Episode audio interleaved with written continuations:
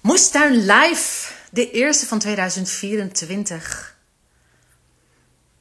Na een hele lange break, helemaal onvoorzien, wist ik, in januari 2024 gaan we weer van starten met Moestuin Live. En er schakelen meteen al allemaal mensen in. Van harte welkom, lieve mensen. Hoe beter kunnen we het nieuwe jaar beginnen dan met een uh, mooi onderwerp over zaad en zaaien? En er is nog al wat over te vertellen. Interessante zaken, schokkende zaken. En met wie kan ik uh, daar beter over hebben dan met iemand die voor de zaderij werkt? Isabel. Ze is uh, into de zaden en veel meer dan dat. Ze heeft erg veel ecologische kennis. Dus ik ben heel blij. Ik uh, ontmoette Jan van de Zaderij vorig jaar op de Moestuinbeurs. En toen hadden we al plannen om een uh, live te gaan doen. Dus ik ben heel blij dat we dat nu eindelijk kunnen plannen. Welkom lieve mensen allemaal. Jullie stromen lekker gezellig binnen. Hebben jullie er ook een uh, kopje thee bij? En het is nu 8 uur. Doe nog even snel plas als je denkt, oh help, dat moet ik nog doen. Want dan wacht ik nog even voor dat de rest binnendruppelt. En dan gaan we van start. Even kijken of Isabel ook al is ingeschakeld. Want dan kan ik jou zo gaan uitnodigen. Um, komend uurtje gaan we lekker aan de klets. Over zaden en alles wat ermee te maken heeft. Um, heb je vragen, dan kun je die uh, hier in de chat. Want er is een, uh, je kunt dan op het vraagtekentje klikken en dan kun je daar je vraag kwijt. En aan het eind van de uitzending gaan we ook nog even de vraag langs natuurlijk. Um, laat even weten of de verbinding nu nog steeds goed is. Die was vanmiddag hartstikke prut. En we hebben net een test gedaan. 20 minuutjes geleden, dat ging gelukkig goed. Dus is beeld en geluid voor jullie oké? Komt alles goed binnen? Laat het me even weten. Ja, top, zegt Pluktuin 21. Colin zegt helemaal goed. Hartstikke fijn. Gelukkig.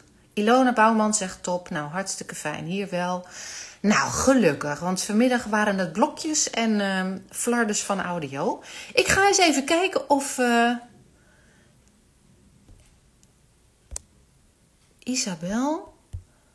Oh, typfout. Oh, nog een typfout. ja, Speciaal voor deze uitzending is Isabel even op uh, Instagram. Dus je kunt haar gaan volgen. Maar uh, als het goed is, gaat ze er ook weer vanaf. Dus je kunt beter de zaderij gaan volgen. Kijk, het beeld verandert al een beetje. En dat betekent. Ja! Je bent Zo. beter. Hi Isabel. Hallo. Leg even uit. Hoe, hoe gaat de klemtoon op, jou, uh, op jouw naam? Isabel? Isabel? Uh, Um, dat hangt er vanaf eigenlijk. Oh. Nou, mag allemaal. Ja. Allemaal, dat is relaxed. Hey, ja. Van harte welkom bij Moestuin Live. Leuk. Ja. Heel bijzonder dat jij uh, speciaal voor deze uitzending even een account voor, uh, uh, voor op Instagram hebt aangemaakt, zodat we live konden. Want anders ja, nou, volgens, volgens mij lukt het. Ja. Wat zeg je? Volgens mij lukt het ja, zo. Dus, zeker. ja. ja. Nou, van iedereen schakelt nog in. Maar omdat we natuurlijk een vol uurtje hebben met heel veel gespreksonderwerpen rondom zaad, zaaien. En nog meer dan dat, ehm, regeneratief moestuinieren. We gaan het nog over no-dickbedden hebben. En ook wat kanttekeningen van jouw kant daarover. En dat is een beetje schrik, omdat wij natuurlijk helemaal into de no-dick zijn. Dus daar ben ik ook heel benieuwd naar. Maar voordat wij helemaal van start gaan, is het natuurlijk leuk om even te weten wie jij bent en in het kort wat je achtergrond is. Ja, dat is goed. Um, nou, ik ben Isabel en ik um, heb 23 jaar een eigen tuinbouwbedrijf in Noord-Groningen gehad. Um, helemaal biologisch, biologisch dynamisch. En uh, toen ben ik de tuinbouw op de biologische landbouwschool in Dronten gaan doen. 2,5 jaar gedaan.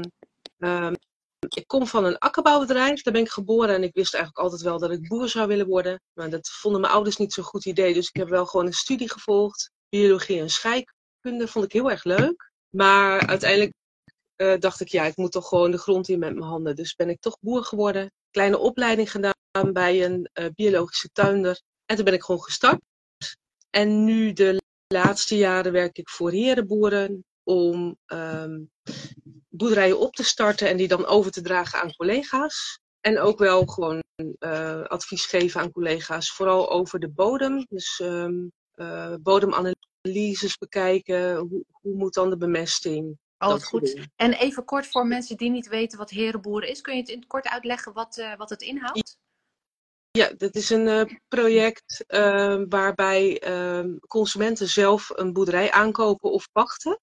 250 gezinnen die daarvoor een, een boer inhuren het zijn boerderijen van 20 hectare, waar eigenlijk met gemengd bedrijf, tuinbouw, akkerbouw, veeteelt, fruit. En community dus, uh, waarbij de leden ook zelf meewerken om het voor elkaar te krijgen. Ja, mooi. Mooi. En nou, ik ontmoette Jan vorig jaar op de moestuinbeurs. En hij zei van nou graag een, een keer een moestuin live. Want hij heeft een, een goed verhaal waarom, waarom de zaderij bestaat. En uh, nou ja, jij werkt ook voor de zaderij. Kun je uitleggen in het kort wat je doet? Ja, ik ben een van de coöpera coöperatieleden. De, er zijn 15 boeren die samen in de coöperatie zitten. Um, daarvoor teel ik ook zaad. En um, ja, afgelopen jaar heb ik ook wel meegeholpen om het een beetje groter te krijgen. En ook Jan te ondersteunen in um, eigenlijk het begeleiden van een aantal telers. Maar ja, eigenlijk ben ik gewoon veredelaar, uh, maak mijn eigen rassen van sommige planten. En daar ben ik gewoon heel bedreven mee. En ja. Gewoon heel druk ja. mee. Ja, vind ik leuk. En wat is nou precies wel veredelen en wat is nou precies niet veredelen? Um, nou, er zit eigenlijk best wel een duidelijke scheiding in. Als je als, um, als je als tuinder of als moestuinder graag je eigen zaad wil bewaren voor volgend jaar, dan uh, laat je een deel van je gewas in bloei schieten, zaad erin komen en dat ga je dan verzamelen en drogen. En dat is geen veredeling, dat is gewoon vermeerderen van het ras wat je al hebt. Um, nou, dat kan je best wel goed doen als je van tevoren even zorgt dat je wel goede planten hebt en niet alleen maar de laatste planten die je niet wilde oogsten. Dan kan dat best goed gaan. Um, maar als je echt gaat veredelen, dan ga je in een heel veld met het gewas ga je op het moment dat het dus gewoon mooi groeit, ga je al planten merken van nou, dit is een goede, dat is een goede, die groeit goed. Uh, en op die manier laat je dan de planten staan die je echt van tevoren al gemerkt hebt. En, en die laat je met elkaar afbloeien. Ja, dan ben je echt wat meer aan het sturen van goh, wat, wat vind ik mooi of wat werkt prettig of welke vind ik lekker. Dat kan ook zelfs. Ja. En dan is het uh, een soort uh, survival of the fittest, maar dat, dat begeleid jij dan. Dus dat wacht je niet af, maar je kijkt gewoon naar goede, sterke gewassen of mooie of smaakvolle. En die laat je afrijpen. Ja, ze noemden dat vroeger uh, tuinderselecties. Als je dan uh, zaadjes kocht voor je moestuin en er stond op tuinderselectie, dan wist je dat er een tuinder echt mee bezig is geweest. Uh, om, het, om het te verbeteren. Dus of op plukbaarheid, of op dat het niet zo gauw doorschiet zijn allemaal dingen die je zou kunnen willen veranderen ja. bij een gewas. Dat duurt best lang om dat voor elkaar te krijgen. Bijvoorbeeld, ik ben met een spruitje bezig en daar ben ik al tien jaar mee bezig. Ja. Nou, ik voel over twee jaar wel dat daar veel zaad van afkomt en dan kan iedereen die gewoon zaaien. Um, en dan heb ik hem dus alleen maar echt veredeld. Ja, ja. wauw. Ja. ja. Hey, en um, wat, wat is er, uh, even kijken, ik, kijk, ik spiek af en toe eventjes op mijn uh, vragenlijstje.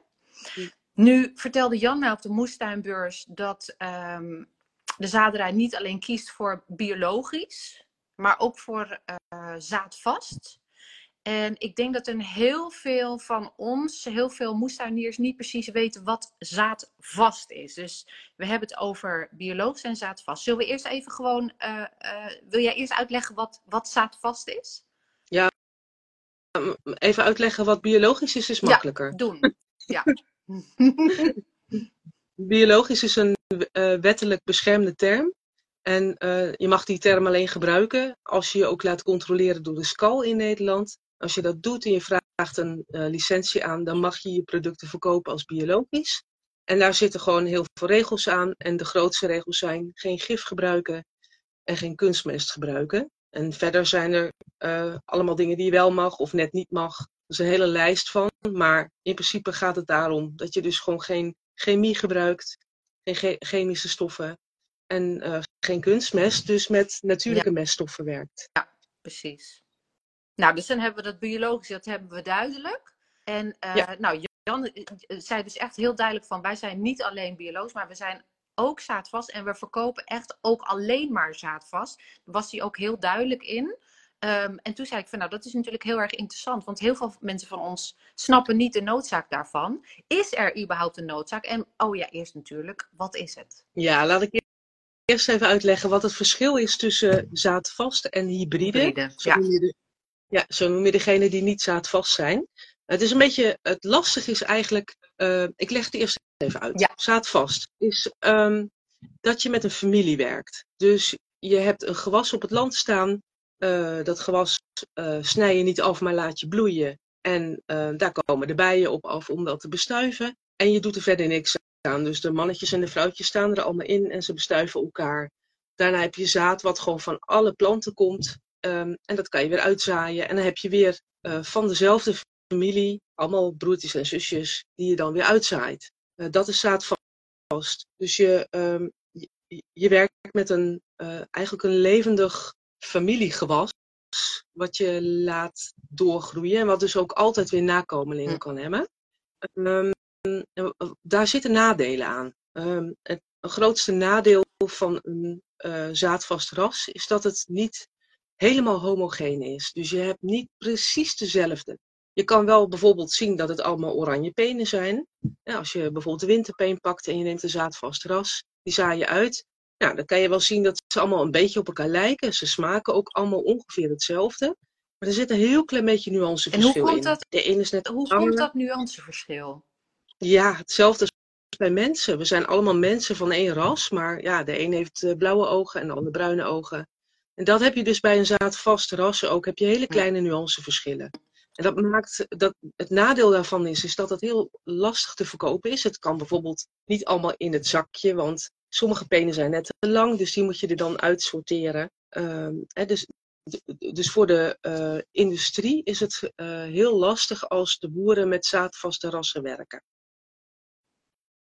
Um, daar hebben ze dus de hybrides voor uitgevonden. En een hybride is eigenlijk de tweede generatie. Dus um, als je een hybride wil telen, uh, het zaad van een hybride wil telen, zul je een vrouwenlijn en een mannenlijn met elkaar moeten kruisen. Wij noemen dat wel de oude lijnen en die zijn meestal wat verzwakt. En doordat die wat verzwakt zijn, krijgen ze een soort van supergeneratie daarna.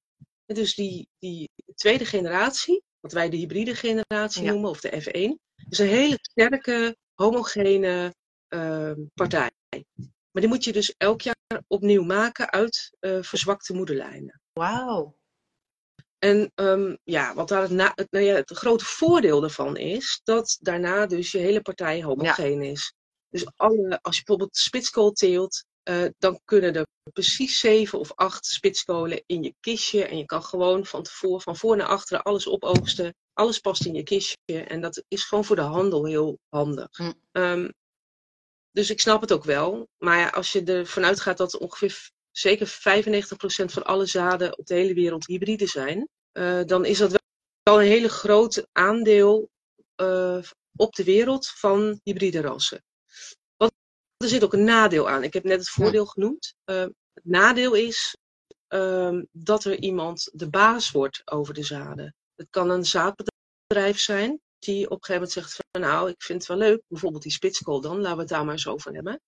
Um, die, uh, uh, die zorgt dus dat die spitskool een hybride is. Die heeft de moederlijn en de vaderlijn in eigen beheer. Uh, niemand weet ook welke dat zijn, dus dat is zijn, eigen, zijn eigendom. Kan hij ook patent op aanvragen. Um, en die zaden, die mag je dus wel zaaien, maar daar mag je niet de genen van gebruiken. Dus je mag niet zomaar daar weer verder mee doorgaan. Dus dat weer laten bloeien, in het zaad komen en dat zaad dan weer gebruiken. Sterker nog, vaak kan het niet. Vaak zorgen ze ervoor dat het zaad wat daaruit komt niet meer wil kiemen. Of, um, um, of nou ja, meestal dus niet wil kiemen. Of als je het wel doet, het uitzaaien, dan krijg je een beetje een rommeltje van die verzwakte ouderlijnen. Ja. Dus eigenlijk kan je wel zeggen dat een hybride, daar, daar stopt het. Ja. dus die, die hybride die jij in je tuin stopt, dat is dan echt de ja. supergeneratie. Ja. En daarna kan die eigenlijk zichzelf niet meer voortplanten. En ik vind vind dat een beetje een nadeel, omdat ik ten eerste vind dat een zaadbedrijf niet de eigenaar mag zijn van zaden. Ik vind dat wij dat met elkaar allemaal zijn. Ehm, en de andere is dat je dus verzwakte lijnen gaat doorkruisen en doorkruisen en doorkruisen. En wat zou het, en, wat zou het gevolg daarvan zijn? Dus zwakke planten, ander, ander resultaat dan die moederplant? Ja, nou, je ziet nu al um, dat er, als je naar ziektes kijkt, er wordt elk jaar gekeken van, goh, kunnen we nog beter ras maken die iets beter bestand is tegen een bepaalde schimmel. Uh, daar gaan ze heel ver mee. Dat is ook een hele mooie wetenschap om dat te doen. Uh, maar je weet eigenlijk van tevoren, als je een plant hebt gevonden die beter tegen die ene schimmel of het visio van de schimmel kan, weet je eigenlijk wel dat die volgend jaar of over twee jaar alweer doorbroken wordt. Dus daar blijf je maar mee aan de gang. Terwijl als je naar de zaadvaste rassen kijkt, waar gewoon um, uh, met een robuust ras uh, gewerkt wordt, die ook gewoon in staat is om weer nakomelingen te krijgen, um, dan zul je, zul je zien dat een deel van de planten wel aangetast wordt, maar een heel deel van de planten niet. Um, en daar kan je dus ook op selecteren en naartoe groeien, maar daar heb je wel meer tijd voor nodig. Want dat is een ander voordeel van, uh, uh, van hybrides. Dat kost gewoon veel minder tijd mm. om, uh, goed, ehm, nou ja, om een goed ras te krijgen wat beter bestand is tegen. Ja. ja. Maar grote stappen snel thuis is, ja. is dus niet alleen maar voordelig. Want als je, dat, als je zeg maar die gewassen vanuit zaad vast gaat versterken. Dus survive op de fits en je gaat het selecteren. Dan heb je eigenlijk op lange termijn uh, gewoon een, een, een, minder, een probleem minder dat ze bijvoorbeeld minder gevoelig zijn voor die, voor die ene ziekte of die aandoening. Ja. Begrijp je het goed? Ja, dat begrijp je goed. En dan heb je dus een robuust ras, wat eigenlijk overal wel behoorlijk tegen kan. Ja. En waarbij je dus een heel klein beetje uitval hebt omdat het ziek wordt, maar nooit de hele partij ziek wordt. En dat, ja. Dat lukt nog niet altijd, maar dat, wat we, we hebben ook um, vanaf 1975 zijn ze met hybrides begonnen. Dus is daar het onderzoek en eigenlijk alle teelt is daar naartoe gegaan om, om goede hybrides te krijgen. Dus die zaadvaste rassen die hebben ook wel een achterstand gehad. Dat zijn we wel aan het inlopen. Uh, maar het kost gewoon jaren om dat, om dat goed te krijgen en om dan een robuuste roots te hebben, wat gewoon een beetje tegen alles wel kan. Ja. ja. ja. En er is nog één ding, dat had ik nog niet genoemd. Maar uh, zaadvaste rassen zijn echt veel leuker. Waarom? Want als je, als je bijvoorbeeld weer spitskool teelt en je hebt een hybride ras, lijken ze dus allemaal op elkaar. En ik merk gewoon dat ik me dan een beetje aan het vervelen ben. Terwijl andere zaad... Ja, dat is echt. Ik heb het ook getest met uh, studenten, met uh, couchettes. Dus had ik uh, één rij, of eigenlijk een dubbele rij met zaadvaste rassen en één dubbele rij met een hybride. En dan ging ik gewoon kijken van hoe, hoe lang doen ze erover om de courgettes te oogsten, hoe zitten ze in de maat en wat vonden ze er eigenlijk van. En dat was wel grappig, want uh, de maat, je merkt gewoon dat uh, de hybride rassen iets meer dezelfde maat hebben. Um, dus het was makkelijker oogsten om die in de goede verkoopmaat te krijgen. Met de zaadvaste rassen was dat iets moeilijker. Um, maar um, de studenten vielen in slaap in de rij van de hybride mm. ransen. En bij de, de zaadvaste moesten ze gewoon veel beter kijken. Omdat ze lijken allemaal op elkaar. Maar ze hebben allemaal een nuanceverschil. Dus het is gewoon interessanter echt om mee bezig te zijn en naar te kijken. Ja, wauw. Dus dit is een hele leuke, ja. leuke proef. Ja, zeker. En, en heeft het nog um, voor de biodiversiteit een voordeel om met zaadvast te werken? Nou, dat vind ik een beetje moeilijker. Ja. Kijk, je Stuivers hebben er niet meer voordeel of last van? Mm, nou ja, kijk, je, je, laat je groenten op de tuin meestal niet doorgroeien. Dus bestuivers die doen daar ook verder niks mee. Dus het heeft alleen maar te maken met de teeltwijze mm. uh, van het zaad. Mm. Dus ik nou, denk, ik denk, dat veel hobbytuiniers, die, die laten, althans ik zie een ontwikkeling, is dat, dat veel hobbytuiniers, moestuiniers wel bewust wat meer laten doorschieten. Ik denk dat dat 15 jaar geleden een no-go was. Maar mm -hmm. ik zie mhm. het nu wel meer gebeuren. Ja, dus... dan, is, dan is het wel handig om zaadvaste rassen te nemen. Omdat je dan zeker weet dat je gewoon uh, ook zaad krijgt. En bij de hybride rassen is het meestal gewoon, uh, zijn ze gewoon, uh, kunnen ze geen zaad nee, maken. Daar hebben, we, daar hebben we niet zo heel veel baat bij. Nee, dat hebben ze eruit gehaald. Okay. Ja nou, dus ik hoop dat dat verschil een beetje, een beetje duidelijk is. En ook waarom, waarom de zaderij duidelijk kiest voor alleen maar zaadvaste zaden en geen, geen hybride zaden. Ehm, ja, en dan, ik denk dat het, dat, het, het volgende subonderwerpje wat meer speelt in de professionele tuinders. En dat misschien hobbymoestaniers er niet zo heel veel van hebben gehoord. Maar er is een beetje een ontwikkeling die de ene geweldig en de andere gevaarlijk vindt. En dat is uh, CRISPR-Cas. Um, oh ja. Kun je uitleggen wat het is? En uh, nou, la laten we eerst even dat doen. Wat is CRISPR-Cas? Ja. CRISPR. CRISPR-Cas is een ja, CRISPR-Cas. CRISPR. Um, dat is een, uh, een, een techniek uh, een, een, een, microtechniek om in het DNA van de plant, dus in de celkern zit DNA waar uh, de genetische, het genetische plaatje zit, zeg maar, van hoe de plant eruit gaat zien. Ja. En daar kan uh, CRISPR-Cas kan daar inkomen en kan een bepaald deeltje van het DNA herkennen en dat er afknippen. Uh, dus zelfs een techniek dat er ook wat bijgeplakt kan worden. Um, dus best wel heel specialistisch werk ook om dat te doen. Um, maar daarmee, uh, het voordeel daarvan, laat ik maar met het voordeel beginnen, is dat de uh, vooruitgang bij rassen zoeken en bij hybride zoeken gaat nu ook weer sneller. Omdat je niet hoeft te wachten totdat de twee planten hebben gekruist, dus de vader- en moederlijn hebben gekruist en weer nakomelingen hebben. Dan moet je namelijk altijd weer kijken of die nakomelingen dat hebben wat jij erin wil kruisen. Nu kan je dus CRISPR-Cas kan je gewoon uh, het DNA veranderen wat in de plant zit. Ja. En wat, dus wat is daar het voordeel van? Dus dat je snelle resultaten hebt, dat hij een nog fijner formaat heeft of nog makkelijker oogst, minder doorschiet. Is dat ook de bedoeling van, van CRISPR-Cas? Ik denk eerder op ziektegebied. Dus uh, wat ik net al zei, die hybrides uh, die worden zo gekruist dat ze steeds minder vatbaar zijn voor bepaalde ziektes. Uh, en die ziektes, die, bijvoorbeeld een schimmel, en die schimmel die verandert ook weer om dan twee jaar later de, de hybride wel weer aan te kunnen pakken. En met die CRISPR-Cas zijn ze net een jaartje eerder. Dus ze hopen daar ook gewoon de wedstrijd mee te winnen tegen de ziektes. Ja. ja.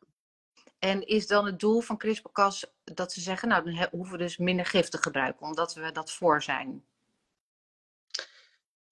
Ja, dat is wel een, een van de redenen die ze zeggen. Um, ja, dat zeggen ze wel. Maar volgens mij zijn er andere redenen om het te gebruiken. De ene reden is omdat het gewoon heel erg leuk is om in een laboratorium met DNA te knoeien. Um, ik snap dat ook wel, dat mensen dat echt leuk vinden om te doen. Um, en de andere is dat, dat ze gewoon echt die wedstrijd willen winnen. En dat, ze denken dat gewoon te kunnen doen met die CRISPR-Cas. En um, ja, um, ja, om dan te zeggen dat het minder uh, uh, chemie nodig heeft om dan te groeien, dat is gewoon een fabeltje, denk ik. Dat heb je ook met de BT-mais gezien. Hè? De mais die, waar ook een gen van veranderd is om te zorgen dat het tegen Roundup kan. Dus dat betekent dan dat je je mais kan zaaien. En dat je, als het 25 centimeter hoog is, kan je het gewoon met Roundup spuiten. Dan gaat alles dood, behalve jouw mais. Ja. Uh, dus in dat geval is er gewoon nog meer gif gebruikt. Dus ik, ik, ik geloof er niet in, maar ik kan me voorstellen dat ze dat wel gebruiken om het te verkopen. Ja. Of te ja. vaardigen eigenlijk. Ja. Dus nou, het wordt verkocht en aangewend als, uh, als uh, geweldig en het heeft voordelen. Maar wat, wat zijn de kanttekeningen? nou, ik weet niet wat het doet op lange termijn. En dat kan ook niemand mij vertellen wat dat doet op lange termijn. Dus dat is eentje. De wat, andere is dat... wat bedoel je het doet voor, voor de bodem, voor wel of meer of minder gif, of voor vitale gewassen, of voor de voedingswaarde? Mm, nou, nee, meer dan als je het dan over biodiversiteit hebt en over veiligheid van je voedsel. Ik denk dat, dat je daar meer naar mag kijken. Dus ik weet niet wat zo'n plant in jouw lijf doet als het dus genetisch veranderd is. Uh, daar hebben ze echt nog geen proeven mee gedaan. Dus ik weet niet of het veilig is voor ons lijf. Um, en ik weet niet of het gewoon de vrije natuur ingaat. En wat het dan in de planten in de vrije natuur doet. Daar hebben ze ook nog geen testen ja. voor gedaan.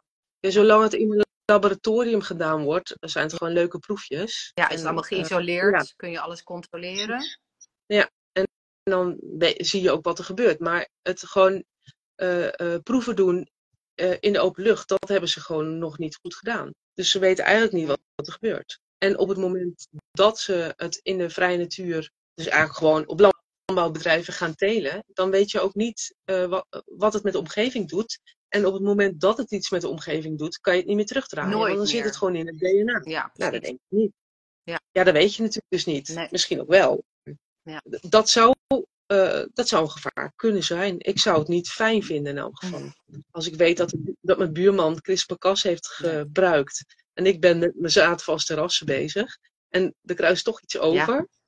ja, dat weten we dus niet. Van, van glyfosaat hebben ze ontdekt dat de wormen uit de bodem het meenemen naar het perceel ernaast. En dat daar dus ook planten veranderen. Dus Wauw. ja, ik, ik, durf, ik durf het niet te gebruiken, laat ik Nee. het zo zeggen.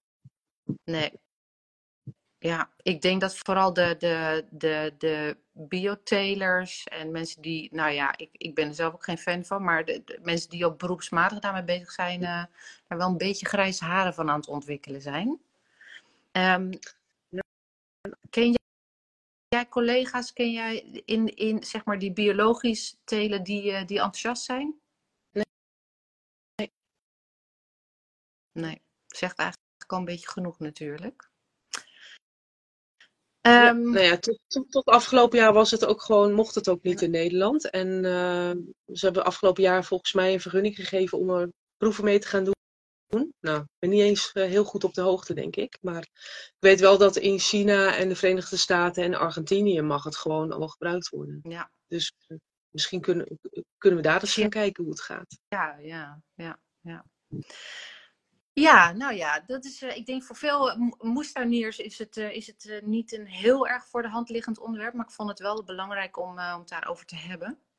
Um, denk jij dat we alles zo'n beetje hebben gecoverd wat betreft zaadvast, hybride, biologisch, of wil je daar nog wat over kwijt?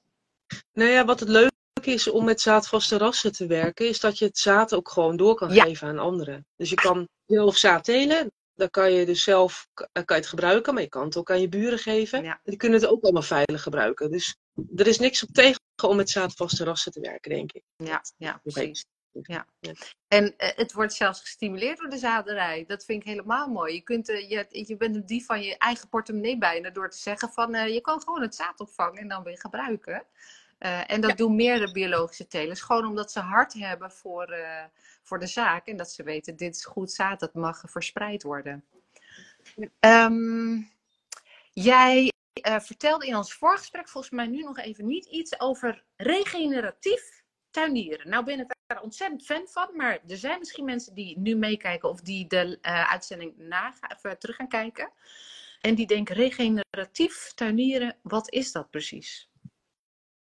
Ja, nou, regen regeneratieve landbouw is eigenlijk vernieuwende landbouw. Dus um, je, werkt steeds met jonge plantjes die je onderwerkt en waar je weer um, nieuwe plantjes opzet. Of je zorgt dat in de winter uh, je grond niet zwart is, maar je zorgt dat er een mooie groenbemester op staat. En zo probeer je de bodem zo levend mogelijk te houden. Dat is eigenlijk de regeneratieve landbouw. Tuinbouw. Ja. Dus je bodem zo levend mogelijk. Ja. Dus dat betekent dat je het niet, niet diep omspit, uh, want dan komt er geen zuurstof bij. Uh, ja, je zorgt eigenlijk dat je aan bodemopbouw doet in plaats van afbraak. Ja.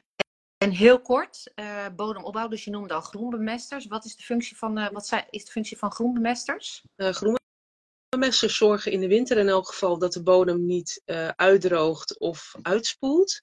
Um, en je, je, maakt gelijk een fijn klimaat voor al je bacteriën en je schimmels. Um, en verder kan je ook tussendoor een groenbemester gebruiken om als bemesting uh, uh, te gebruiken. Want kleine plantjes die je weer onderwerkt, die uh, zijn echt heel goed om je bodem voor te bewerken voor je hoofdteelt bijvoorbeeld. Dus, um, en je zorgt gewoon dat je niet te diep de, de bodem losmaakt, maar dat gewoon de, het bodemleven daar goed kan gedijen. Ja, ja. En is er nog meer wat je kunt doen behalve groenbemesters? Wat doe jij bijvoorbeeld bij Werenboer? Is het alleen maar groenbemesters of mulch je ook? Wat zijn de andere dingen die je doet voor bodembeheer? Ja. ja in de zomer mulchen we ook, want dan kan die gewoon uitdrogen. We zorgen dat de bodem zo snel mogelijk bedekt raakt. Um, ja, en de, en de groenbemesters die doen we vaak na of voor een teelt, om te zorgen dat er niks ja, uitspoelt. Ja. En uitspoelen, uh, wat kan er uitspoelen dan? Nou, al je nutriënten die je eigenlijk nodig hebt voor je, voor je bodemleven en daarna weer voor je planten, die kunnen uitspoelen.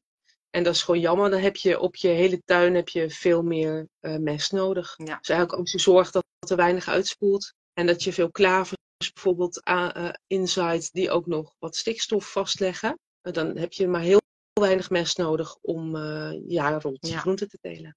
Mooi hoor. Um, ja.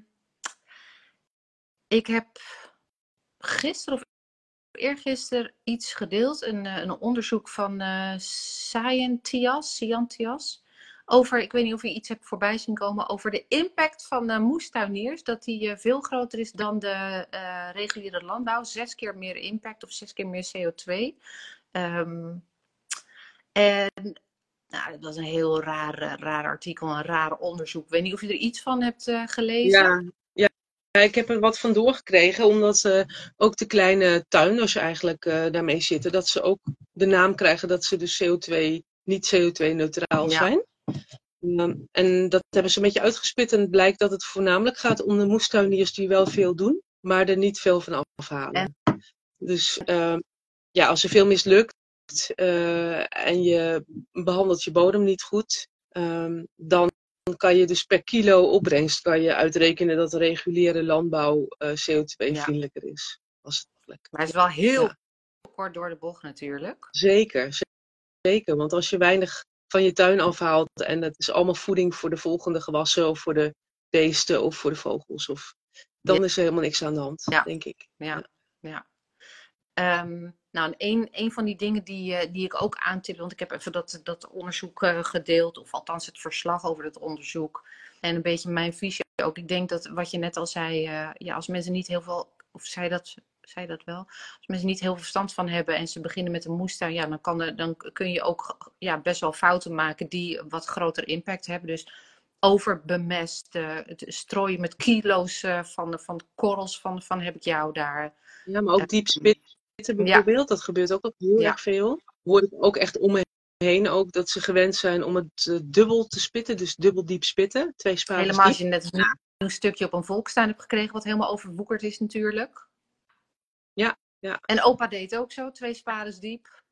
Precies, dus dan zal het wel goed ja. zijn. Ja, precies. Ja. ja. Um, maar er zijn heel veel moestuiniers die het heel erg goed doen hoor. Ja, ja. zo is het. Nou, precies. Dat, dat moet ook even gezegd worden. Um, Zeker.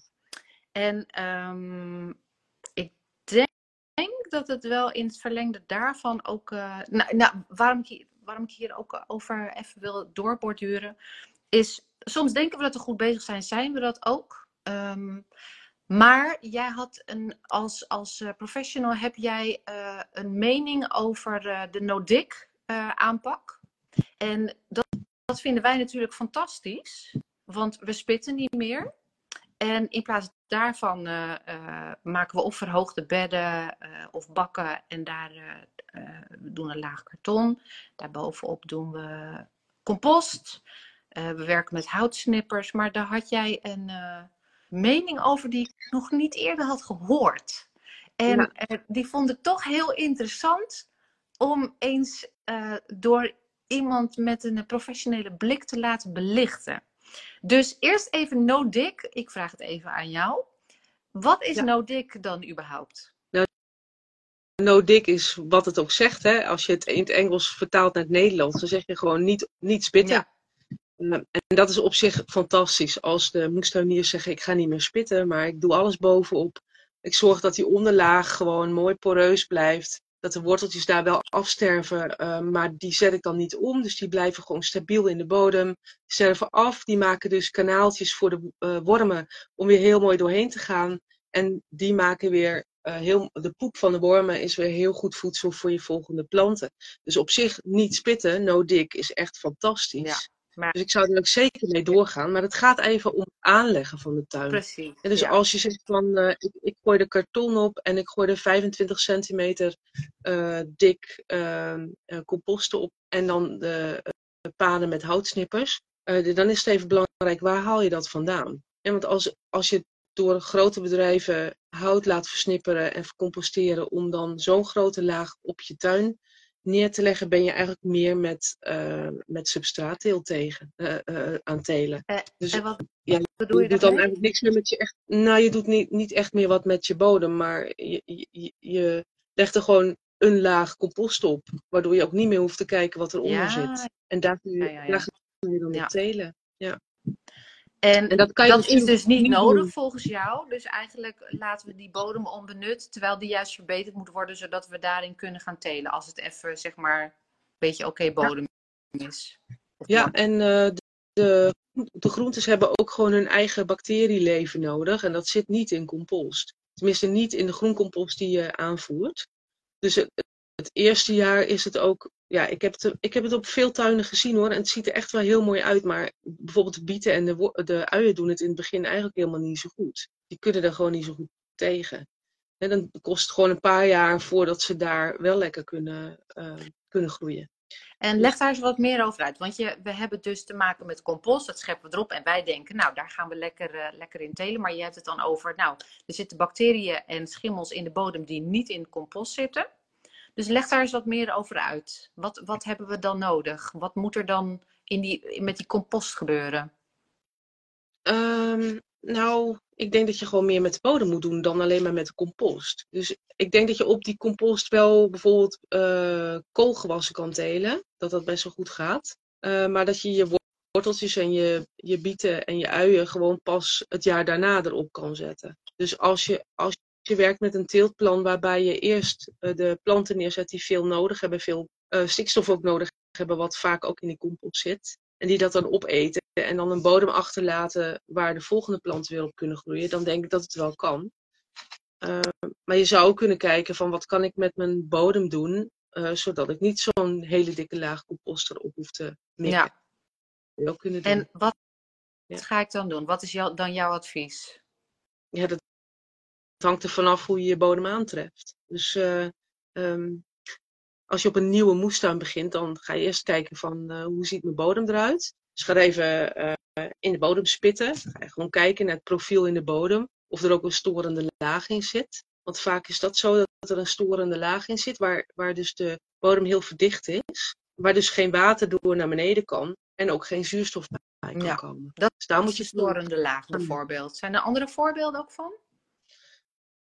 Uh, nou, die heb je gewoon op heel veel plekken, omdat het gewoon dichtgereden is. En dan moet je het wel gewoon een beetje lostrekken daaronderin. Uh, dan kan je, eh, kijk, als je dan no-dik gaat doen, dan verzuipt het gewoon steeds. Dus je moet wel zorgen dat de ondergrond gewoon goed los is. Dus het is wel goed om dat één keer los te maken en dan bijvoorbeeld een goede groenbemester erop te zetten die diep wortelt. En dat doet luzerne. Hm. Luzerne gaat 80 centimeter diep en wordt daar na een jaar wel een centimeter dik.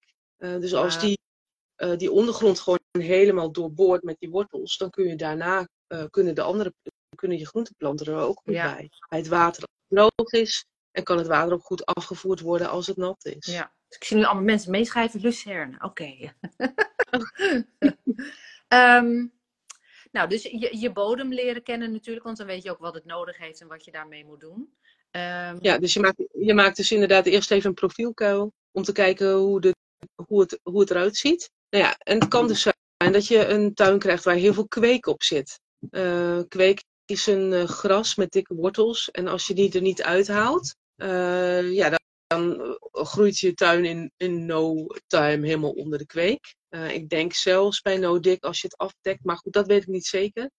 Maar ik weet niet of je daar dan van afkomt. Um, dus dat zul je er even uit moeten spitten. Of je zet kippen erin, dat kan ook. Die kunnen het helemaal omwoelen. Zodat het boven komt te liggen en de wortels uitdrogen. Ja. Um, wat je ook kan doen is bijvoorbeeld eerst een jaar aardappels telen. Uh, aardappels die uh, maken ook de grond heel mooi los en dan maak je mooie bultjes van. En kweek, die, uh, wordt, kweek wordt echt onderdrukt Kijk, door aardappels. En, dat is een goede tip. Ja, en de grond wordt ook mooi los. Dus dan kun je daarna nog de kweek er weer uithalen. En als je er dan weer een mooie groenbemester in zet die gewoon goed diep wortelt ook. Dan heb je echt wel in een paar jaar je grond op orde om alles te kunnen delen en geen last te hebben van het omgaan. Ja, mooi. Maar ja, dat is natuurlijk ook een beetje het probleem. Wij willen nu beginnen met onze moestuin. We willen nu dit jaar al eh, die, die geweldige oogst met die geweldige oogstfoto's op Instagram kunnen plannen. En dan kom jij met de verhalen van ja, maar dat, dat duurt een paar jaar. Dus dat is, uh, dat is denk ik ook uh, het voordeel van zo'n no-dig bed. En dan no-dig is niet alleen spitten, maar het hele verhaal er inderdaad bij met en een dikke laag compost en een houtsnippers ernaast. Um, maar nou ja, we kennen dus nu in ieder geval dat jij zegt, we hebben juist dat bodemleven ook nodig, wat niet in die compost te vinden is. Dus dat is, uh, dat is een kanttekening van jou. Ja. En um, en gewoon de hoeveelheid die je aanvoert. Waar komt het vandaan? Nou, Wie maakt dat voor je? Ik denk daar eens over hebben, inderdaad. Um, er zijn verschillende kanalen natuurlijk waar je het vandaan kunt, uh, kunt halen. Je had het over groencompost en compost. Zit daar een verschil tussen? Ja, je, uh, gewoon compost kan, uh, kan van de gemeente komen waar ze dus het afval van de huizen in verwerken. Daar zit veel fruit- en groenteresten zitten daarin. Hm. Um, er zit veel, veel plastic ja. in. Um, als dat vercomposteerd dan krijg je een compost die vrij uh, rijk is. Ja, die kan je sowieso dus eigenlijk niet gebruiken om no-dig mee te doen, omdat die veel te rijk is. Je kan wel het bovenste laagje daarmee doen voor de gewassen die heel veel hm. nodig hebben. Dus bijvoorbeeld de, de kolen en de vruchtgewassen kunnen wel een beetje gebruiken. Maar als je dus no-dig echt goed wil aanleggen, dan moet je groencompost nemen. Dat kan je bij de gemeente kopen. Um, en dat is gemaakt van takkenafval en bladafval. Ja. Dus eigenlijk al het snoeiafval wat in de herfst binnenkomt, dat composteren ze op een aparte hoop en dat heet ja. groencompost. Daar, als het goed is, is er ook geen plastic in. Als het goed is, niet. Ja. En als het goed is, zit er ook geen PFAS in, of uh, pesticidenresten, of uh, schadelijke schimmels. Maar dat is dus ook een beetje het nadeel van als je niet precies weet waar die compost vandaan komt. Maar als je bij de gemeente gaat kijken, dan kan je er ook gewoon naar vragen. Van goh, waar is het van gemaakt? En dan kan je gewoon kijken van hoe ziet het eruit. Je kan even ruiken hoe het ruikt. Ja, nou, PFAS kan je waarschijnlijk niet ruiken. Maar als het echt, echt van takkenafval gemaakt is, dan hoef je daar denk ik niet, ja. niet bang voor te zijn. Ja. Kijk, en dan vind ik het ook geen onduurzame uh, manier omdat het gewoon snoeiafval is wat gewoon bij de huizen vandaan komt. Dus iedereen die zijn tuin snoeit, zijn coniferen snoeit en wat dan ook, dat wordt gewoon op een hoop gegooid. Als dat vercomposteerd is, ben je eigenlijk ook afval aan het opruimen. En dan heb ik er niet zoveel moeite mee hoor, dan is het ook hm. prima. Maar wat ik bedoel is, um, als je echt gewoon een hele grote tuin hebt en daar no dik in gaat doen, ja, dat moet wel ergens vandaan ja. komen. Dus het allermooiste zou zijn als je dan ook nog een hectare uh, bos hebt waar je dan uh, je eigen snoeiafval vandaan haalt en wat je zelf composteert en waar je dan de bedden van opbouwt. Ja, ja. Maar ja, niet iedereen heeft een bos in zijn achtertuin staan natuurlijk. En nee. er zijn, uh, ik zie het nu ook weer op allerlei Facebook groepen, er zijn mensen die of hun tuin uitbreiden of net zijn begonnen. En die allerlei bakken aan het bouwen zijn en waar dus compost aangevoerd moet worden en tuinaarde. En uh, ja, wat, wat gaat er zo'n beetje dan in een, in een gemiddelde tuin? Heb je daar enig idee van wat, er, uh, wat een gemiddelde hobbytuinier nodig zou hebben aan zo'n no-dik-bak of bed? Ja, ja, dat hangt er vanaf hoeveel je ervan wil eten natuurlijk. Maar ik denk als je van die vierkante meterbakken hebt, dan moet je met een stuk of zes al wel heel veel kunnen doen, denk ik. Mm -hmm. ja. Ja, dan moet je er niet al te veel in telen. Um, ja, als ik als ik naar de moestuintjes kijk waar ik wel eens kom, dan denk ik, ja, dat wordt wel echt ook heel zwaar bemest. Maar dat zijn dan niet de no-dik tuinen, maar de gewone tuinen. Er kom, komen echt wel een hoop kruiwagens komen ja. op met mest. En uh, ik denk dat je maar uh, um, één, één halve kruiwagen met mest nodig hebt voor 10 vierkante meter. Dat is echt heel weinig. Dat is heel weinig. Ja. En jij noemde in ons voorgesprek iets over compost. Uh, stel, we hebben nou, noem eens een eh, gemiddelde oppervlakte nodig. Ik heb een, uh, een kuub compost nodig voor mijn, uh, voor mijn moestuin. Nou, dat is niet zo heel veel. Um, maar uh, wat is er nodig voor een kuub compost om tot een kuub compost gemaakt te worden? Ik denk vier kuub hout of snoeiafval. Dus vier staat op één. Kunnen we dat zo zeggen? Oh ja, dat denk ik wel. Ja. Um, en dat is dus een beetje ook jouw terughoudendheid, heb ik, uh, uh, begrijp ik dat goed, met betrekking tot ons enthousiasme over dikke lage compost op no-dig storten? Ja, je moet je afvragen of iedereen dat kan doen. Of er zoveel compost is dat iedereen zo zijn tuintje kan doen. Ja, er is nog geen tekort geweest aan compost, denk ik. Heb ik nog niet gemerkt. Dus waar, waar, waar komt het allemaal vandaan? Uh, worden de bomen voor gekapt? Uh, wordt het ingevlogen, ingevaren? Heb je daar enig idee van? Ja, ik denk dat je daar zelf naar moet kijken als je het inkoopt. Waar komt het vandaan? Is het een afval- restproduct dus eigenlijk? Of wordt er echt iets nieuws voor mij gemaakt ja. waar, uh, ja, waar grondstoffen voor ja. nodig zijn? Kijk, in tuinaarde, daar zit vaak ook, uh, zit ook stoffen in die niet herbruikbaar zijn of niet hernieuwbaar zijn. Zoals turf bijvoorbeeld is niet hernieuwbaar. Dat wordt afgegraven en ja, op een gegeven moment is het op. Dus ja. Maar goed om te kijken waar bestaat je product uit wat je koopt en waar wordt het gemaakt en waar haal je het vandaan. Ja, ja. heel goed. Ja. En ik denk dat voor heel veel mensen een eye-opener is dat je dus niet uh, volledig compost nodig hebt. Wil je een nieuwe bakbed starten. Maar dat je het ook uh, gewoon kunt, uh, kunt gebruiken met de, met de grond die je hebt. al is het oude tuinaarde of wat dan ook. Eigenlijk alleen maar beter om, om niet dus 100% compost te gaan gebruiken. Ja, ja sowieso als je op kleigrond woont, dan is het ook heel erg jammer als je de klei niet gewoon gebruikt, want die houdt heel veel voedingsstoffen vast. Dus ja, als je daar alleen maar een laag compost bovenop gooit en daar werk je mee, um, dan gebruik je niet de kwaliteiten van je grond ja. die je al hebt. Heb jij ervaring in, uh, in tuinieren op klei? Ja, dat heb Wat ik. heb je gedaan? ik heb eigenlijk altijd op de klei gewerkt, behalve afgelopen jaar. En ik hou heel erg van kleigrond. Nou ja, echt kleigrond. Als je dat uh, op je moestuin hebt, is het fijn om dat wel gewoon steeds te mixen met een laagje compost. Om het wat fijner te krijgen. Maar als je een zavelgrond hebt, dat is dus een mix van zand en klei. Ja, dan uh, heb je de mooiste grond die er je, is. En uh, daar wil alles hoofdprijswinnaar ben je dan. Ja. Echt wel, ja. ja. Um, en en weet je, klei, houdt dus water vast, het houdt nutriënten vast. Um, doet eigenlijk alles voor je planten wat ze nodig hebben. Als je maar zorgt dat er voldoende organisch stof in zit, uh, zodat het ook blijft ademen en dat er ook dus echt zuurstof de bodem ja. in kan. Want dat is wel Dus ook weer die groenbemesters waar je het net over had, die zijn natuurlijk ook fantastisch voor, uh, voor, uh, voor je kleigrondje. Ja. Um, is, even kijken, ik zie wat uh, de groene buurvrouw vraagt door de klei. Wat bedoel je? Door de klei? Ja, ze had daarvoor een andere, een andere Oh, vraag wacht. volgens mij. Die Ja, het bodemleven de compost niet zelf door de grond? Door de klei?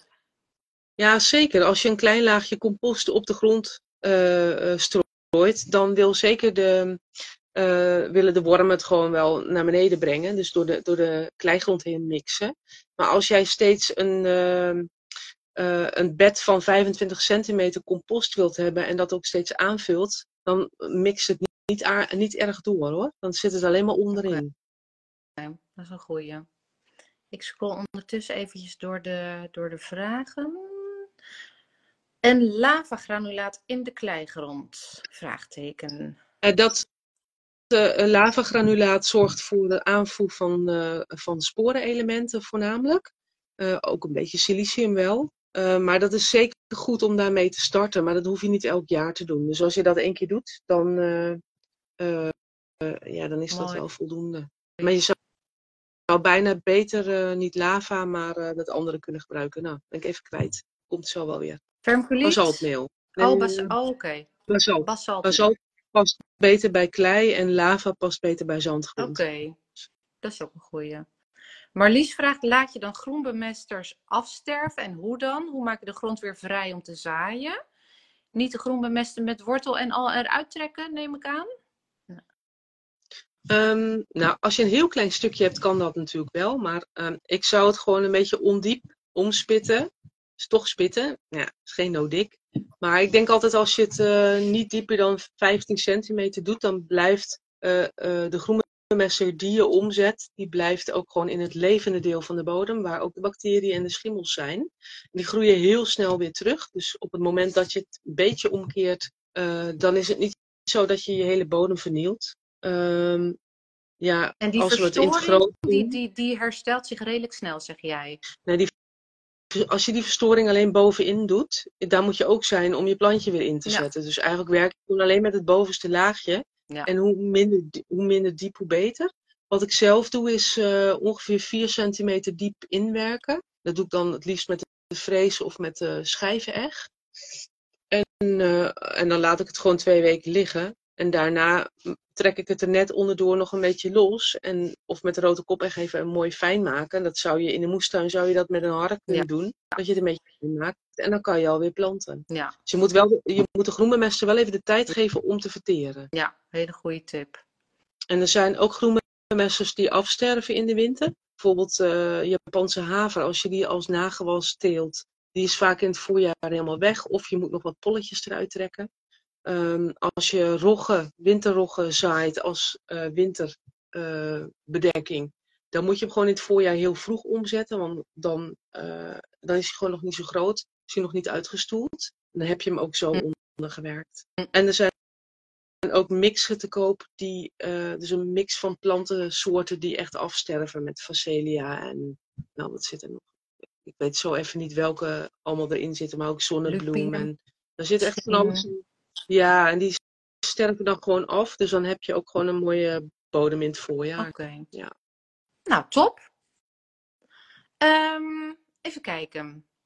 Wij, het is eh, tien voor acht. Nou, het gaat lekker, vind ik. We zitten niet helemaal op schema, maar ik vind dat het hartstikke lekker Heb gaat. je nog veel Ehm, vragen over dan? Of eh, heb je nog veel vragen over dan? ja, Of- ik wel. Dus ik ga nog even door, hoor. Ehm, Oké. Want het is natuurlijk eh, eind januari en eh, er zijn al mensen begonnen met zaaien. En heel veel mensen die staan klaar om te gaan zaaien. Dus misschien wat eh zaaitips van Isabel. Ehm, eh, ja, jij teelt natuurlijk sowieso voor herenboeren in het groot. Want het gaat om eh 250 gezinnen waar er dan voor gezaaid moet worden natuurlijk. Ehm, maar eerst eens eventjes, ben jij een fan van voorzaaien? Ja, heel, heel erg. Oh, vertel. Nou, ik vind het heel mooi om voor te zaaien. En ehm, je kan daarmee net iets vroeger zijn eh, dan als je het in de volle grond zaait. Omdat je de mogelijkheid hebt om het even warm weg te zetten. Want eh, alle zaden hebben hun eigen kiemtemperatuur. Ehm, dus bijvoorbeeld erwten vinden 10 graden heel fijn om te kiemen. Als je ze dan in de grond doet en de grondtemperatuur is nog maar 6 graden, dan gaat de kieming zo langzaam dat er ook wel heel veel verrotten. Ja. Dus als je vroeg wil zijn en je gaat het voorzaaien, zorg dan dat eh, de zaden op het moment dat ze willen kiemen, dat ze dan ook even warm staan. Kijk. Het is wel echt een van de grootste tips, want dan gaat het kiemen wat sneller, heb je minder uitval. Mooi. Moet dan ook even uitzoeken wat, wat de kiemtemperatuur is, want die van een ertje is natuurlijk veel lager dan bijvoorbeeld die van tomaten, want die hebben een heel hoog, hele hoge Ja. kiemtemperatuur. Ja. En als je die als voorbeeld neemt, dan die zitten ongeveer op 22 graden kiemtemperatuur. Dus dat is op je vloerverwarming. Ja. Dus een, als je dat klein bakje doet en je zet het op de vloerverwarming, dan kiemen ze ongeveer in vijf dagen. En dan moet je ze ook eh, goed in de gaten houden, want op het moment dat hij gekiemd is, heeft hij ook licht nodig. Anders krijg je hele lange sprieten. Slungels. En dan, ja, en die verzwakken het, die zijn verzwakt, dus die krijgen heel makkelijk schimmeltjes of zo. Dus op het moment dat ze kiemen, moeten ze en iets minder warm, want de eh, kiemtemperatuur is meestal het hoogst.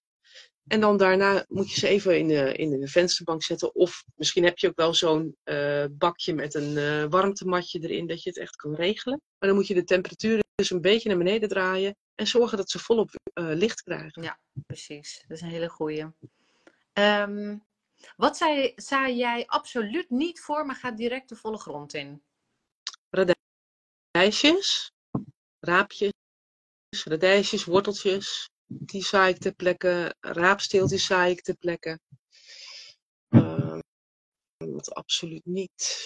Ik kan wel heel veel voorzaaien, maar... mm, ik heb wel gemerkt, ik heb wel eens eh, raapstelen voorgezaaid en dan tegelijkertijd geplant met eh, daarna ook zelf eh, erbij zaaien. En dan merk je dat het op zich eh, misschien een week uitmaakt wanneer je het kan oogsten, maar dat dus de voorgezaaide plantjes sneller door, doorschieten. Ja. Dus dat ze sneller, ja, is er minder gauw. Ja, dan moet je ze gewoon Ja, opeten. ja. Dus ik doe het altijd wel, maar je moet ze dan in de gaten houden dat je ze op tijd Ja. eruit haalt. Ehm, ja, en wat, wat sowieso wat in volle grond eh, groeit, dat, dat wil, vind ik helemaal in de, in de lente. Dat wordt gewoon eh, lekker stevig. Als je ook Hm. kijkt inderdaad naar raapsteeltjes, vind ik dat ook een groot verschil inderdaad. Ik kijk Ja. even naar mijn eh, documentje. Ehm, nou, jij noemde eigenlijk net al een, een zaaifout is dat, dat iets of te koud of juist te warm wordt gezet, waardoor je als het te warm staat, het, eh, het eh, te snel groeit, eh, slungelig wordt, of als het niet voldoende licht krijgt, dat het slungelig wordt. Zijn er nog meer zaaifouten? Want op de herenboerderij werken jullie ook veel samen met de gezinnen, toch of niet? Zie je daar Ja. mensen fouten maken of ken je zo, sowieso wat zaaifouten waarvan je zegt, die wil ik jullie even meegeven? Ehm, ja, te diep zaaien en te nat houden. Ik denk dat dat wel een grote zaaifout is. Ehm, en dan te koud. Dus je, je moet zorgen dat de temperatuur klopt, eh, dat ze niet te diep gezaaid worden. Zo- Een, een zaadje moet aan de onderkant gewoon het gevoel hebben dat hij in de grond ligt. Dus daar moet hij contact maken met de Mm. ondergrond. En daarboven moet je het een beetje loshouden, zodat er zuurstof bij kan komen. Ja, Ja. heel mooi. Nou, eh, en daarvan, wat je zegt, het moet een beetje, beetje, beetje los zijn voor de zuurstof. Maak jij gebruik Mhm. van zaai- en stekgrond? Ehm, ja, ik gebruik eh zaaigrond van Biocultura, waar ook een beetje eh, klei aan toegevoegd is. En die vind ik heel fijn. En dan gebruik ik ehm, eh, van die zaaitreetjes, die, eh, die doe je vol met potgrond. Druk je ze even goed aan en dan nog een keer volgooien met potgrond, zodat die ondergrond eh, goed contact maakt met elkaar, zodat als je ze in het water zet, dat ook het water opgezogen wordt. Ja. Dat is belangrijk. Ja. En daar kan je dan je, je zaadje in doen. En dan meestal, de kleine zaadjes, die eh, dek ik af met zilverzand. Want daar, dat zilverzand zijn allemaal ronde korreltjes, dus daar kan ook echt zuurstof doorheen transporteren. Hm. Bij de grote zaden, zoals erwten en zo, gebruik ik eh, een beetje potgrond eroverheen. Dat ze niet uitdrogen. Ja. Ehm, Er zijn. Er zijn ook allerlei andere methoden. Zeker als je een kleine moestuin hebt, kan je ook in een bak met zaagsel voorkweken. Oh, Dan krijg je ook hele mooie erwten en tuinbonen van. Ja. zaagsel, zeg je? Ja. Oh, die ken ik Gewoon in een bak met, ah, bak met vochtig zaagsel. Daar doe je dan je tuinbonen in. En dan hebben ze eigenlijk alles wat ze nodig hebben. Vocht halen ze uit het zaagsel. En eh, doordat zaagsel gewoon niet één plakkaat is, maar gewoon een beetje in een bak ligt, komt er ook lucht bij. Nou, grappig. Die kende ik nog niet. Dat is een leuke tip. Ehm, eens even kijken. Ik denk dat we het meeste wat mijn lijstje betreft wel hebben gehad. Ik zie hier een vraag. Gebruik je geen vermiculiet? Nee, dat gebruik ik niet. Je kunt het gebruiken, maar ik heb nog niet echt zelf gemerkt dat er heel veel eh, voordelen aan zitten.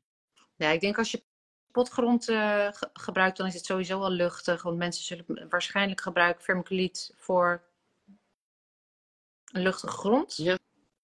Dat zou kunnen. Of voor erop, denk ik eigenlijk. Oh, oh, is dat zo? Eens even Kijk, ik ga ondertussen even kijken, zie ik nog vragen binnenkomen? Eh, hier. Er zijn nog van tevoren wat vragen gesteld. Ehm, oh nee, dat is nog een vraag van mij. Ik zie heel vaak op fora en reacties eh, op Facebook bij, moestuin, bij moestuingroepen voorbij komen. Ik koop geen biologisch zaad, want dat ontkiemt zo slecht. Nou, ik heb daar totaal geen ervaring zo mee. Maar heb jij enig idee waar, waar eh, die mening vandaan komt? Mm, Nee, niet echt eigenlijk. Ik zie het best vaak voorbij komen. En ik snap eigenlijk niet dat mensen daar zo heel stellig dan in zijn van biologisch zaad ontkiemt minder goed. Maar jij, ja, natuurlijk jij ook niet. Maar ik dacht misschien kun je dat, eh, kun je dat om, uh, omver helpen, die, uh, die mening.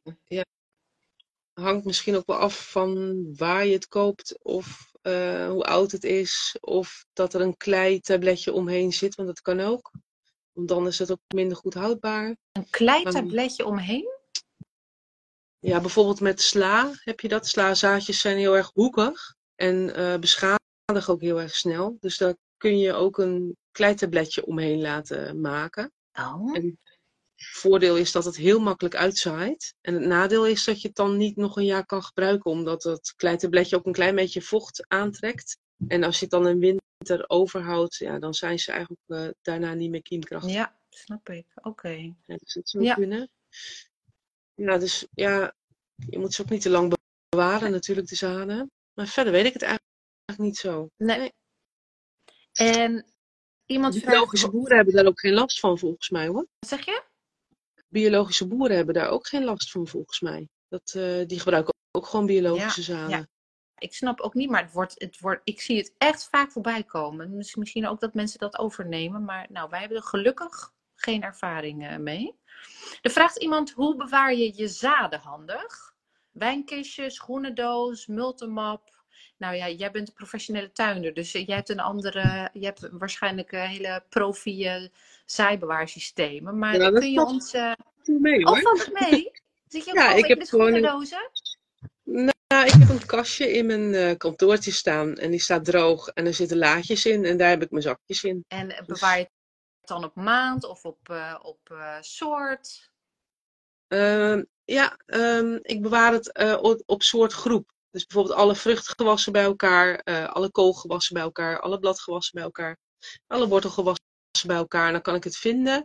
En dan in december of januari, dan kijk ik wat ik nog heb. Dan hoef ik dat niet Ja. bij te kopen. En eh, wat ik wel bijkoop, dat, hou ik, dat, dat doe ik in eh, van die grote eh, plastic bakken met een deksel erop, zodat ze niet nat Mhm. kunnen worden. Maar ik eerst het zaad op wat nog in mijn kastje ligt. En dan in het kantoortje dus. Ja. En daarna pak ik nieuwe zaad. Ja. En je moet eigenlijk over het algemeen gewoon zorgen dat het droog ligt. En op een constante temperatuur is ook heel ook gaaf niet- als dat lukt. Niet te heet, niet te warm en ook niet wisselend. Niet te heet, niet te koud en niet wisselend schommelend. Ja. Ja. Hele goeie. Ja. Ehm, hebben jullie ervaring met bijvoorbeeld tomatenzaden bewaren in de vriezer om ze langer te kunnen blijven gebruiken? Vraagt Judith. Nee, heb ik niet gedaan. Maar ik kan me voorstellen dat dat wel lukt. Dat doen ze in eh, Noorwegen ook met de zaden. Hè? Vriezen ze ook alles Ja. in. Dus ik kan me voorstellen dat dat wel goed kan. En eh, eh, hoe lang bewaar jij je tomatenzaden? Hoe lang zijn ze houdbaar? Nou, vijf jaar, vijf jaar toch wel hoor. Ja. Maar ik zorg wel dat ik na vijf jaar weer nieuwe heb. Ja, precies. Ja, ja. ja, vooral er zijn heel veel tomatenfans ook. En eh, je kunt niet alles in één keer in één seizoen zaaien. Dus dan zul je wel een beetje een plannetje moeten hebben natuurlijk. Ja, dan is misschien invriezen wel een heel goed idee. Ja. Ja. Eh, is- Ja. Nou, ik ben benieuwd of er mensen reageren die invriezen. Even kijken. Maar dan is het misschien wel handig om ze per portie in te vriezen. Dus dat je voor, voor elk jaar een beetje hebt. Oh, slim. Want dan hoef je het niet te ontdooien en dan weer te zaaien. Dus dan doe je gewoon voor elk jaar vries je wat in. Nou, ik ben benieuwd of daar iemand mee aan de slag gaat. En Marieke reageert, haha, nu weet ik waarom ik zulke rare slazaadjes had. Oh, nou, ja, nou, je hebt weer wat geleerd, eh, Marieke. Ehm, en ze zegt ook nog, ik ben altijd tevreden over het kiemen van biozaden. Nou, dat is mijn ervaring ook inderdaad. Samantha vraagt, verkoopt de zaderij op de moestuinbeurs ook losse zakjes zaden? Nou, ik weet niet of jij dat weet. Nee, dat weet ik ook niet. zullen we even aan eh, Jan moeten vragen. Ik weet in ieder geval dat de zaderij er niet meer staat. Eh, Jan stond er eh, vorig jaar wel. Ehm, maar ik, ik ben benieuwd. Dat ga ik, Samantha, ik ga het even navragen bij eh, Jan. Dan maak ik daar binnenkort wel even een, eh, een melding over. Eh, even kijken. Zaden in de koelkast, vraagt iemand nog. Mm, ik vind de koelkast niet zo'n goed idee eigenlijk. Te vochtig ook. Ja, vochtig en er leeft van alles in je koelkast. ja, het zou niet moeten, maar het gebeurt wel. Oké. Oké. Theedozen en van die losse theezakjes. Ideaal. Oh ja, dat is een, eh, een bewaartip, geeft, eh, geeft Annelie aan. Eh, even kijken, nog meer.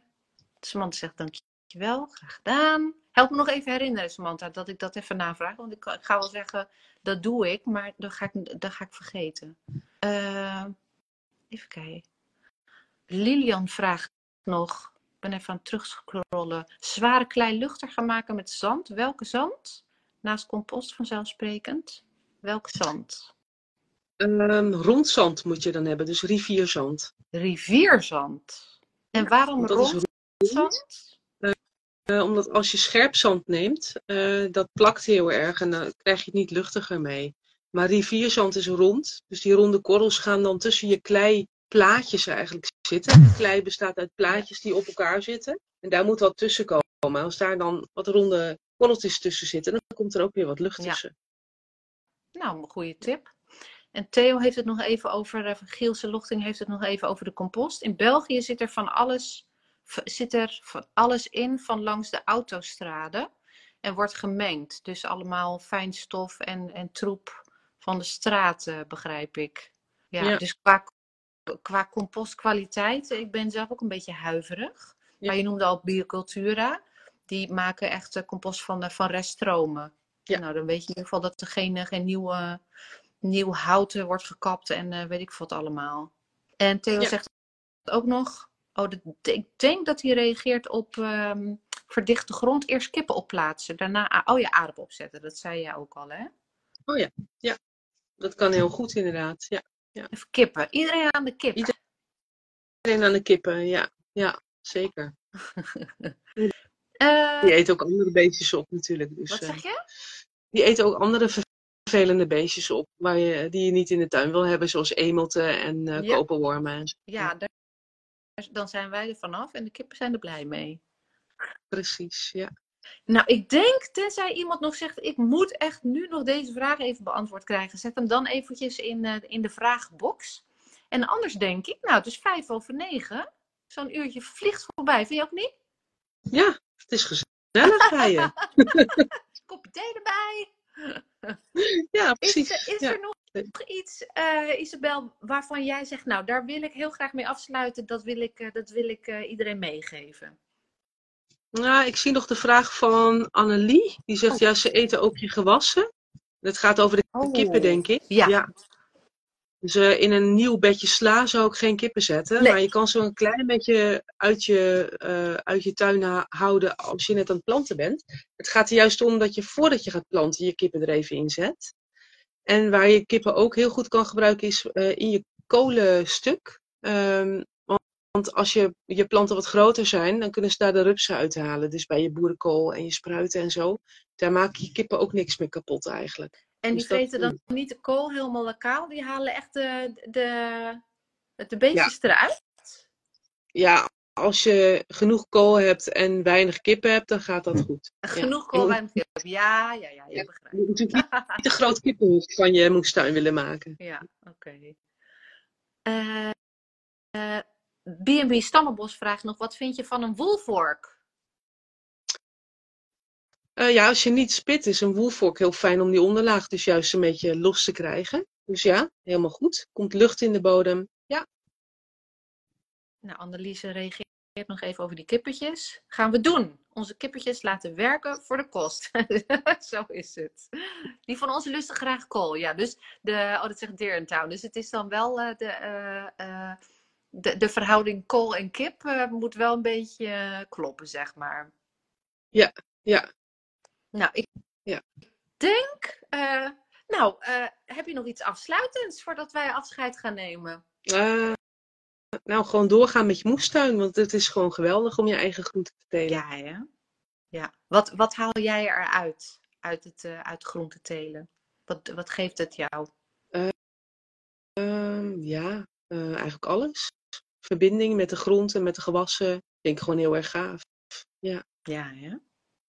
Ja. Als, je, als je daar meer over leert en ziet hoe, hoe ingenieus alles werkt en je, je, je krijgt respect voor de planeet, dan, dan vallen zoveel dingen op, op, eh, op zijn plaats eigenlijk, vind ik. Zie je dat ook zo? Ja, zeker. Ja, ik vind dat heel erg mooi.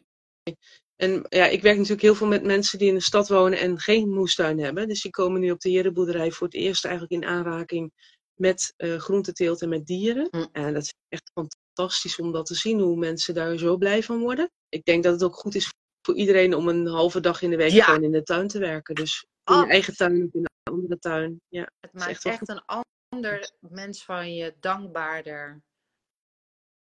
Ja. Dus uh, ja. ja, ik vind dat iedereen een moestuin moet hebben. En, uh, en zo niet dan inderdaad aan de herenboeren. Dan, uh, ja, dan hebben ze in ieder geval nog wat. CSA-tuinen. Er zijn ook heel veel CSA-tuinen ja, waar je aan mee kan doen. Wat is een CSA-tuin? Ja, dat is een, eigenlijk hetzelfde als herenboeren, maar dan alleen maar tuinbouw. Dus dat kan ook gewoon heel klein zijn. Dat kan ook een halve hectare ah. zijn. En dan kan je dan met, met elkaar je groenten telen. Maar heb je wel een tuinder die, die de planning doet en Volgens mij mag je daar gewoon zelf oogsten. Ja. Ah, ja, ja, ja. Oh, ik snap het, ja. Annette zegt veel wijzer geworden. Merci. Nou, wat fijn. Helene zegt heel veel dank voor dit leerzame uurtje. Nou, wat heerlijk om uh, dat te lezen. Samant zegt dank jullie wel voor een leerzame avond. Dank, fijn om mee te luisteren, zegt Landleven Judith. Lilian zegt dankjewel, was leerzaam. Oh, loopeenden, zegt Landleven Judith ook nog even tegen de slakken. Ja, dat is ook een goeie. Ja. Het schijnt wel dat ze ontzettend veel schijten, maar nou, dat heeft ze voor- en nadelen natuurlijk.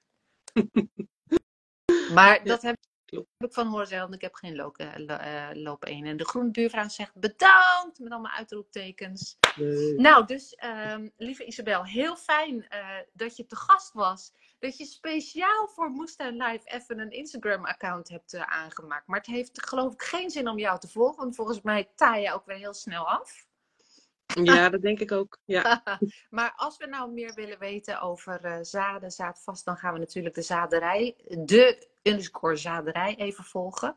En uh, dankjewel dat je jouw kennis en je passie met ons wilde delen. En uh, ik, ja, er zijn heel veel ik heb veel geleerd en um, uh, ik denk uh, mensen met mij ook. Dank jullie wel voor een gezellige leerzame uur. Dank je wel, zegt Pluk de Dag. met Morella zegt dankjewel. En tot de tuinbeurs zeker weten. Want 2, 3, 24 maart is de moestuinbeurs weer in Baar. Dus hopelijk, daar heb ik Jan leren kennen.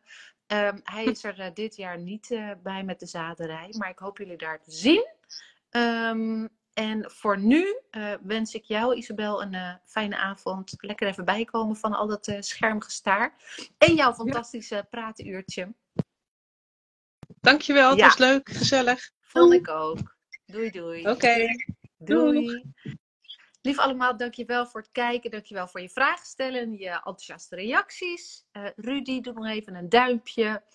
Um, je kunt hem delen als je je dat wil, je wil mensen ook enthousiast maken over dit onderwerp en je wil mensen inspireren, want hij komt zo op mijn Instagram te staan en hij kan gewoon nagekeken worden. Dus wil je hem even delen in je stories, dan is het natuurlijk hartstikke fijn. Um, hoe meer we hierover leren, hoe beter het is, denk ik, ook over zaadvast en het belang van zaadvast. Dus als je zaden gaat bestellen en je wist nog niet dat er een verschil was tussen hybride en zaadvast, weet je het nu wel. En weet je misschien ook waar je wat vaker voor kunt gaan kiezen. Um, dus het is tien over negen. Dit was eh, de eerste Moestuin Live.